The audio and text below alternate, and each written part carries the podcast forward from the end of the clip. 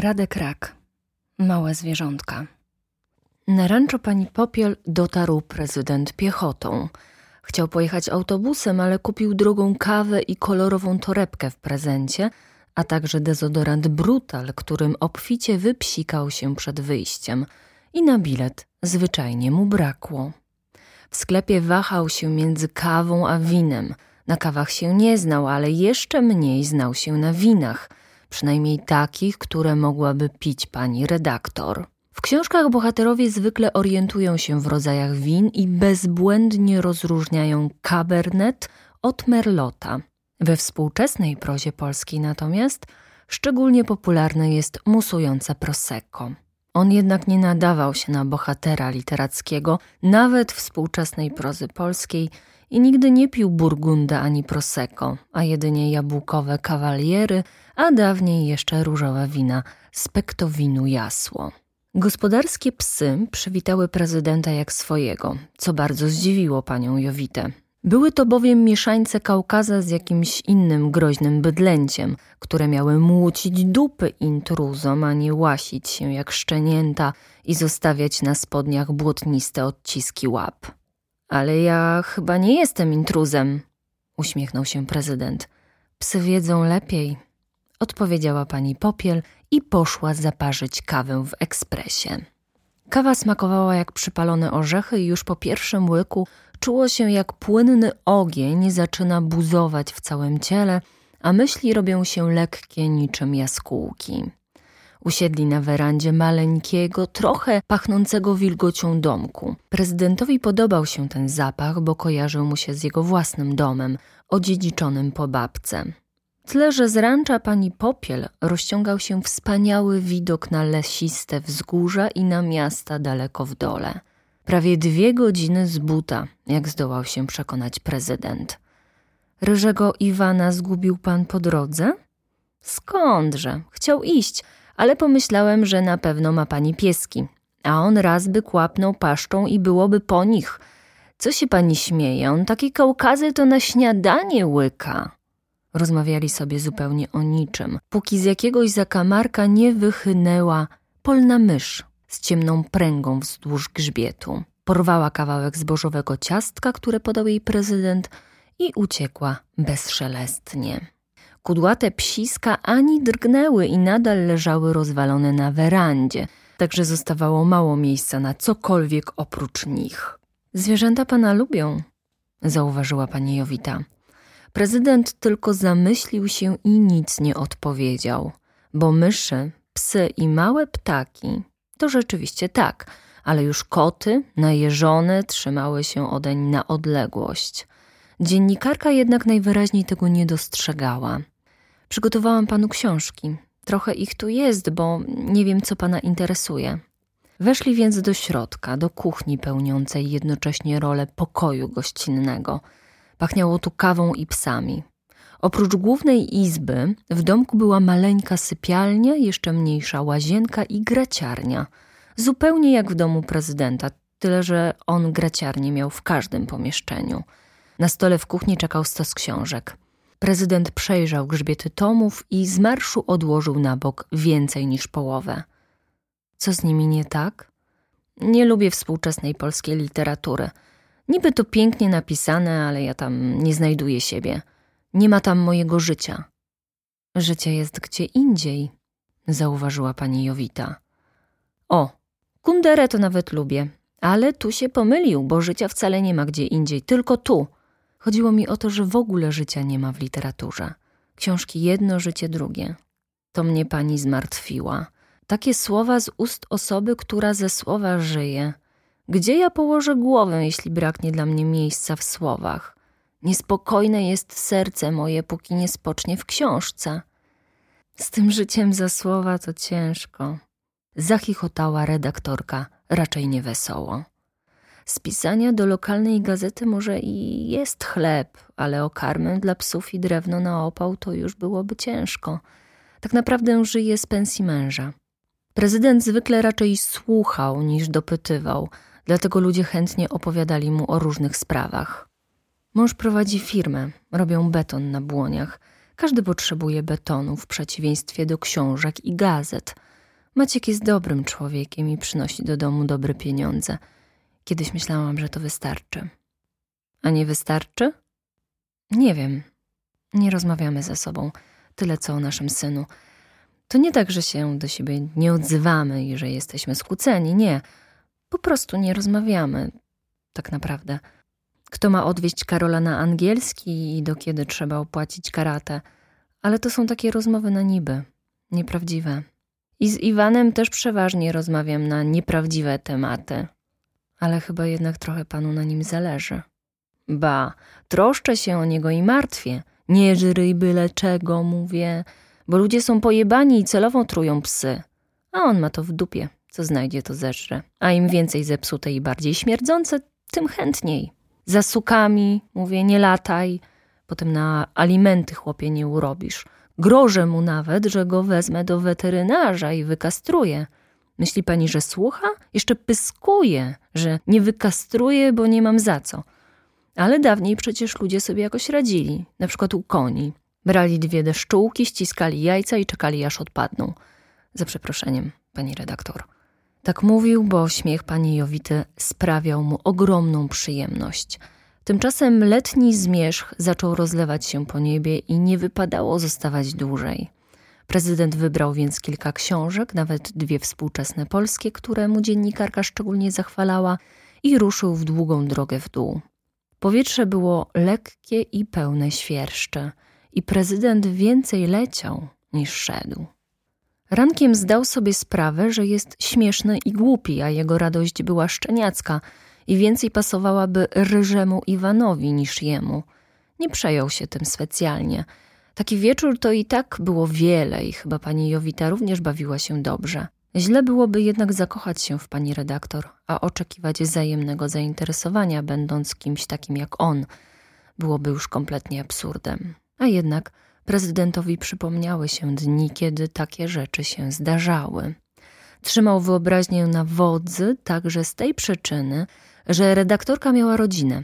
Mogła sobie dowoli opowiadać, że nie rozumieją się z mężem, ale prezydent dobrze wiedział, że nie da się rozumieć drugiego człowieka i że wiążąc się z kimś, zawsze skazujemy się na niezrozumienie.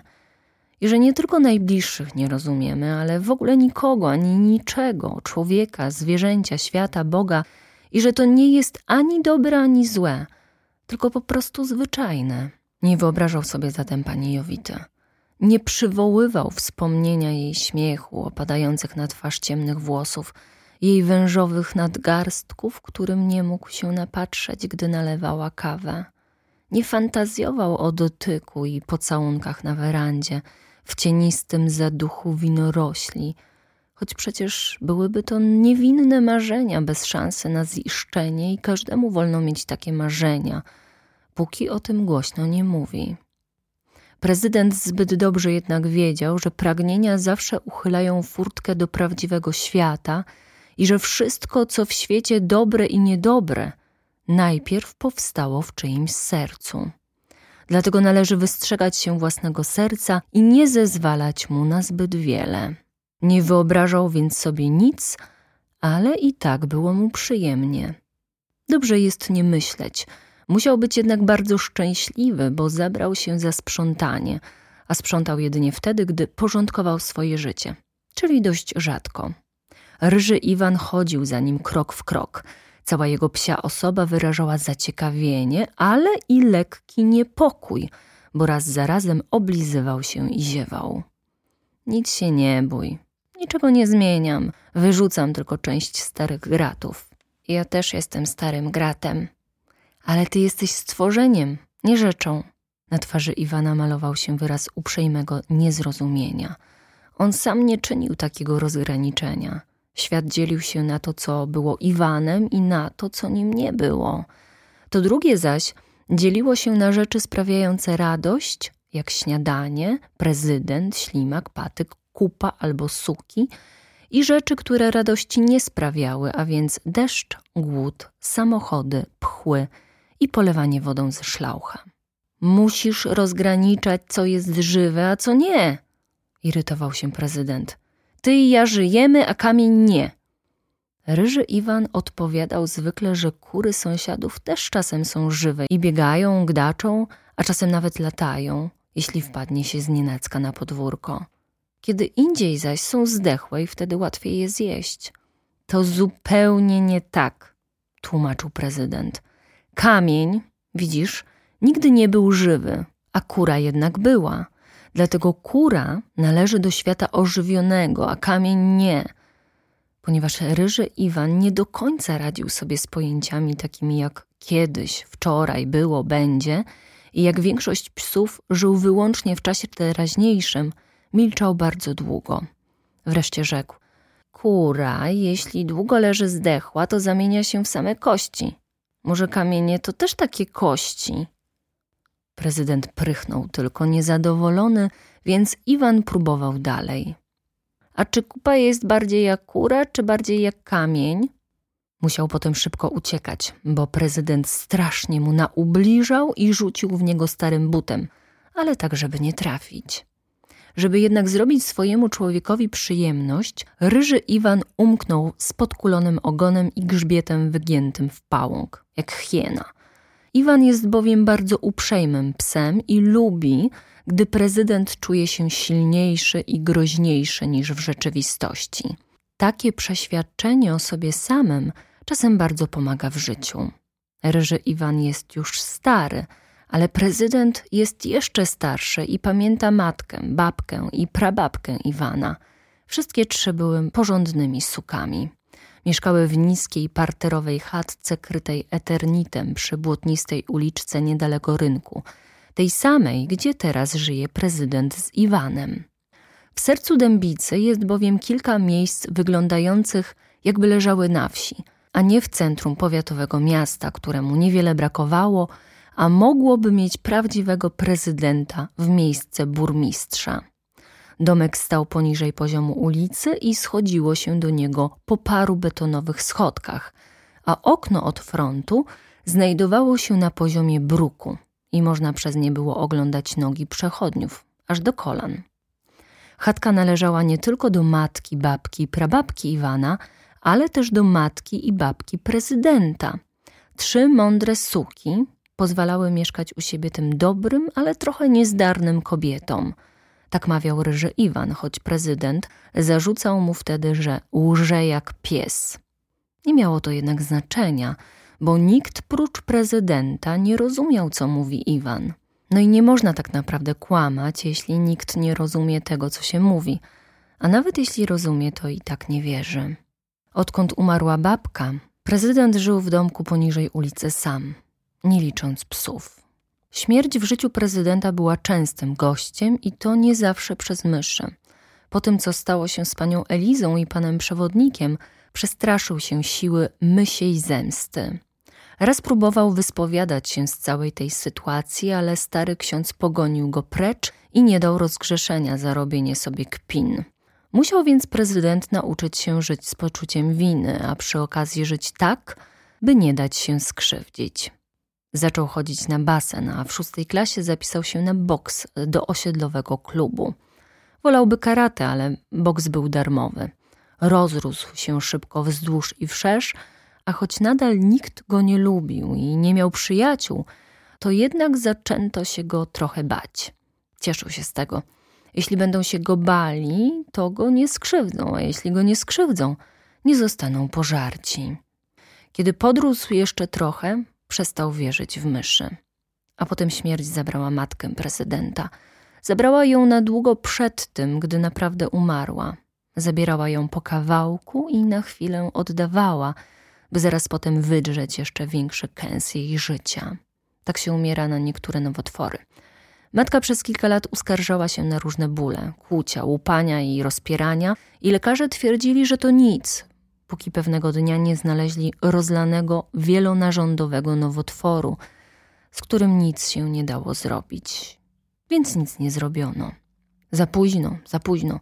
Gdyby pani przyszła wcześniej, można by to i można by tamto – Niebawem matka spuchła i nie mogła się poruszać, a jej ręce i nogi zaczęły przypominać ciasto na pierogi.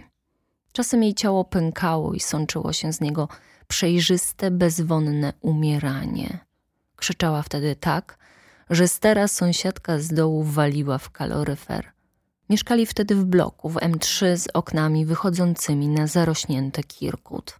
Na miesiąc przed końcem zabrali ją do specjalnego szpitala i tam było już trochę lepiej. Bo choć matka cierpiała z pewnością tak samo, to on już nie musiał na to cierpienie patrzeć i zwijać się w środku z bezsilności, której nie da się wypowiedzieć. Raz. Jeden, jedyny raz po wizycie w szpitalu, gdy zamroczona matka w ogóle go nie poznała, przyszło mu do głowy, że powinny tu wkroczyć myszy. W myszy już co prawda nie wierzył, ale przecież i w Boga ludzie często nie wierzą, a jednak się modlą. To nieuczciwe tak cierpieć, że już jest się nie sobą, tylko bólem. Tak się nie robi ludziom. Następnego dnia rankiem zadzwoniono, że toksemia, że reanimacja, że nagle, że bardzo im przykro, że o czwartej trzydzieści pięć. Wkrótce po pogrzebie ojciec przyprowadził do domu Bernatkę. Nie na stałe, ma się rozumieć, takie rzeczy nie uchodziły nawet jeszcze w małym miasteczku, ale tak od czasu do czasu. Nakazał prezydentowi nazywać ją ciocią, więc chłopak uparcie zwracał się do niej per pani. Któregoś razu prezydent musiał dotrzymać jej towarzystwa, gdy ojciec wyszedł do kuchni zapalić. Siedzieli przez chwilę we dwójkę w milczeniu, bo też o czym miał rozmawiać z tą kobietą, szczupłą i niebrzydką, o paznokciach pomalowanych na taki odcień zieleni, jakiego nie ma w przyrodzie. Skubał więc skórki przy paznokciach i wpatrywał się w wytarty turecki dywan z przemytu, kupiony przez rodziców jeszcze za komuny. Wiesz, odezwała się niespodzianie Bernatka. Znamy się z twoim tatą już od paru miesięcy. Niedługo zabiorę ci go na zawsze. Prezydent nie mógł uwierzyć. Nie mógł uwierzyć, że usłyszał to, co usłyszał. Skulił się tylko i stał się mały, maleńki, choć przecież był dwa razy większy od tej kobiety. Przestały mieć znaczenie mocne ramiona wyrobione na basenie i nabyta w czasie treningów krzepa. Znowu był nikim. Więcej, pojął, że tak naprawdę nigdy nie przestał być nikim i cała jego siła oraz szeroki kark znaczą tyle, co pył na wietrze. Ktoś może przyjść i odebrać mu wszystko, jeśli tylko będzie miał taką ochotę. Nic nie odpowiedział i nie odezwał się nawet wtedy, gdy ojciec wrócił spowity w kwaśną woń papierosów. Był nikim, był myszą. A Bernatka rzeczywiście zabrała mu tatę, choć nie do końca w taki sposób, w jaki chciała. Niedługo później po raz pierwszy została na noc. Choć oboje z ojcem zachowywali się cicho, to w małych mieszkaniach nie ma prywatności i wszystko zawsze słychać. Co to bowiem za prywatność na odległość wyciągniętej ręki, odgrodzona tylko cienką ścianą. Prezydent wyprowadził się więc do babki, do domku poniżej ulicy. Ojciec pewnie odetchnął z ulgą, bo nie musiał już dzielić przestrzeni z synem, któremu nie miał właściwie nic do powiedzenia. Milczenie w domu zawsze jest ciężarem, nawet jeśli nie lubi się innych domowników. A ojciec przecież nie lubił prezydenta, nawet jeśli go po swojemu kochał. Widywali się więc rzadko, a jeszcze rzadziej rozmawiali. Może i tak by mogło zostać – bo wielu ludzi żyje w taki sposób, a u babki nie było przecież prezydentowi źle. Ale zaraz wrócił do mieszkania z oknami na Kirkut, może po ciepłe ubrania, może po jakąś książkę i zastał ojca krzątającego się po kuchni, przygotowującego jakąś wymyślną potrawę, czego nigdy nie robił. Był rumiany, pewny w ruchach i młodszy niż zwykle, bo nowa kobieta zawsze tak działa na mężczyznę. Gdyby prezydent miał więcej lat, a jego życie wyglądało choć trochę inaczej, może by to zrozumiał. Ale miał tyle lat, ile miał i dobrze wiedział, skazany był na pozostanie myszą po kres swoich dni. A kiedy z małego pokoju wyjrzała Bernatka i posłała mu zły, triumfalny uśmiech, uciekł. Wieczorem, przełykając gorące łzy i myśląc o matce w grobie, życzył Bernatce by myszy weszły w jej usta we śnie i pożarły ją od środka, by przegryzły jej żołądek i drążyły tunele w jej wątrobie i płucach, by uwiły gniazda w ciemnych i wilgotnych głębiach jej trzewi. Nekrologii zobaczył po trzech dniach, a zanim minął tydzień, musiał odciąć swego ojca od klamki kuchennych drzwi. Ojciec wisiał już na niej pewnie jakiś czas, bo był czarny, rozdęty i pachniał trupem, a pośmiertna sztywność ustępowała już zwolna z jego ciała. Nie zostawił żadnego listu. Milczał po śmierci tak samo, jak milczał za życia i tak samo, jak dawniej nie miał synowi nic do powiedzenia. Pochowano go przy matce na starym cmentarzu, tym samym, na którym potem prezydent kopał groby dla dzieci i biedaków. Bernatkę zaś złożono kilka kilometrów dalej, na nowym cmentarzu na górce, tym, z którego widać całe miasto. Prezydentowi wydało się słuszne i sprawiedliwe, że jego rodziców pochowano razem, a tę trzecią daleko i na uboczu. Widać w śmierci jest jednak jakaś sprawiedliwość. W środku był pusty i nie zastanawiał się nad tym, co uczynił. W szkole uczono go, że starożytni Egipcjanie wytrzewiali zwłoki przed ich mumifikacją. Tak właśnie się czuł, bez wnętrzności, bez wątroby, bez mózgu, wydrążony jak spruchniała kłoda. Myszy mogłyby zjeść pół świata. Nie dbał o to. Wkrótce do chatki poniżej ulicy zapukał komornik. Okazało się, że ojciec przed śmiercią nabrał kredytów, by spłacić niemałe długi Bernatki. Kredyty zresztą zaciągał i wcześniej na leczenie matki. Prezydent i babka przelękli się komornika i pozwolili mu zlicytować mieszkanie z oknami na Kirkut za kwotę o wiele poniżej jego wartości. Komornicy, długi i kredyty to był świat, którego oboje nie rozumieli, z którym nie chcieli mieć nic wspólnego, jakby wszystkie te sprawy należały do jakiegoś diabelskiego porządku. Po latach pan Jonasz powiedział prezydentowi, że można było załatwić to inaczej, ale wtedy nie miało to już najmniejszego znaczenia. Pan Jonasz był zresztą starym bajkopisarzem i nie należało wierzyć w to, co mówi, zwłaszcza gdy mówił na trzeźwo. Być może inni obwiniali się o te śmierci, i te zawinione wprost, i te zawinione pośrednio. Ale ci ludzie najpewniej nigdy nie byli myszami i nic nie rozumieją. Nawet pani Jowita nie pojęła tego, gdy odważył jej się opowiedzieć o myszach przy następnym spotkaniu. Nie uwierzyła mu, co trochę go rozczarowało, a trochę jednak ucieszyło, bo mógł udawać, że tylko opowiada jakieś straszne bajki bez morału. Takie bajki są najlepsze. Mogłyby zjeść mojego starego. Miałabym chwilę spokoju. Roześmiała się trochę ochryple, bo tym razem pili wino. Wino oczywiście ona kupowała. Prezydentowi wydawało się nie w porządku, że piją wino, którego butelka kosztowała pewnie tyle, ile on wydawał przez cały tydzień, jak nie więcej. Wydawało mu się to nie w porządku, że takie wina w ogóle istnieją i że są kupowane. Nie powiedział jednak nic, aby nie robić przykrości pani Jowicie. Poza tym pewnie by tego nie zrozumiała i może nawet zarzuciłaby mu, że przesadza. Prezydent nie po raz pierwszy w życiu poczuł, że nadmiernie się obnażył przed innym człowiekiem. Przywykł jednak, że inni mu nie wierzą, bo przecież pani Jowita nie ośmieliłaby się żartować z myszy, gdyby wierzyła w nie choć odrobinę. Nie przejął się tym jednak tak, jak mogłoby się wydawać.